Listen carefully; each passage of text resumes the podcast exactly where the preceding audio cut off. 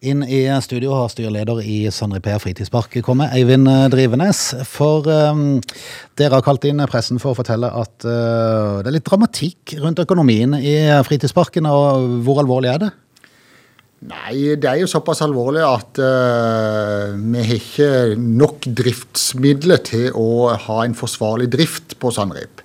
Altså vi har I år har vi et budsjett på uh, 2,4 millioner, og da har vi brukt 245 000 av egenkapitalen for å komme opp i det tallet. Uh, og vi har ikke nok penger til å vedlikeholde og drifte anlegg forsvarlig. Og det gjør nå utslag i at uh, vi nå sier nei til å produsere snø i 2022. Og vi kan heller ikke se at det er en mulighet for å produsere snø i 2023 med de økonomiske rammebetingelsene vi har nå. Er dette noe dere har varsla over lengre tid, eller er det noe som plutselig bare er blitt veldig dramatisk? Nei, dette har egentlig vært de siste årene, tre-fire årene, så har vi sett at det har blitt knapphet på ressurser hos oss. Og vi har hatt uh, noen diskusjoner bl.a. med Kristiansand på litt hvordan uh, vi regner tilskuddet. Og så i januar i år så hadde vi et møte med eierkommunene der de setter ned administrasjonen i Kristiansand og Vennesla til å gå gjennom et forsvarlig driftsbudsjett for oss. Og det skulle nærmest dobles for å ha en forsvarlig vedlikehold på hele anlegget. Det er egentlig bygg og toalettvask, teknisk komplisert snøproduksjonsanlegg. Alt skal driftes og vedlikeholdes. Det er jo et anlegg som hvis du skal bygge det i dag, så er det en verdi mellom 70 og 90 millioner. Og det er klart det krever litt å vedlikeholde det. Vi ser at noe av den gamle asfaltløypa bør reasfalteres nå. Så, så det er mange ting som vi har skudd på og strekt på nå. Og vi ser at ikke vi, vi klarer det lenger nå. Og med det som da ble dråpen, det er jo den berømte strømprisen, som gjorde at de pengene vi hadde håp vi hadde til snøproduksjon, de har røket til strøm resten av året. Mm. Hvordan tilbakemelding får de fra eierkommunene? Er de ikke villige til å spytte inn mer, eller hvordan ligger konflikten egentlig? Nei, det er jo ikke noe konflikt, men det er jo, det er jo beinhard prioritering om pengene. Og i Vennesla så har de for så vidt lagt inn pengene som vi har bedt om. Men det er klart at Kristiansand eier tre fjerdeparter, så er det veldig mye. Og det er jo det at vi skal jo betale etter eierbrøken. Og da, da, er det ikke sikkert det er riktig at Vennesla skal subsidiere Kristiansand kommune. Det må kommunestyret i Vennesla si ja til i så fall, at vi faktisk betaler mer enn det vi skulle ha gjort. Så det er Kristiansand som svikter? Ja, svikter og svikte. Det er jo en hard prioritering. og Det er administrasjonen i Kristiansand som sånn sett utarbeider grunnlaget for oss på økonomien. Men da økonomidirektøren skal sette opp budsjettet, så finner ikke han rom for det. Mm.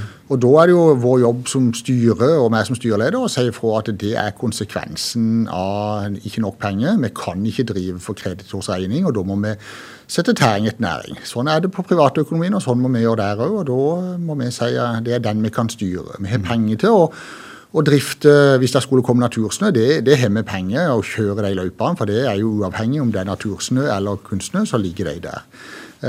Så det skal vi få til. Men vi klarer ikke å få opp det optimale anlegget som vi er vant til å ha. Men vi befinner oss jo i et område der det er veldig sånn ustabilt med mye snø som kommer. Den der kunstige produksjonen den har vært viktig for å legge en, legge en såle. Hva, hva, tenker du overfor de som driver med, med ski? Hva, hva, frykter du sjøl vil skje? Ja, først skal jeg si litt om, om hvorfor Sandripea ligger der han gjør.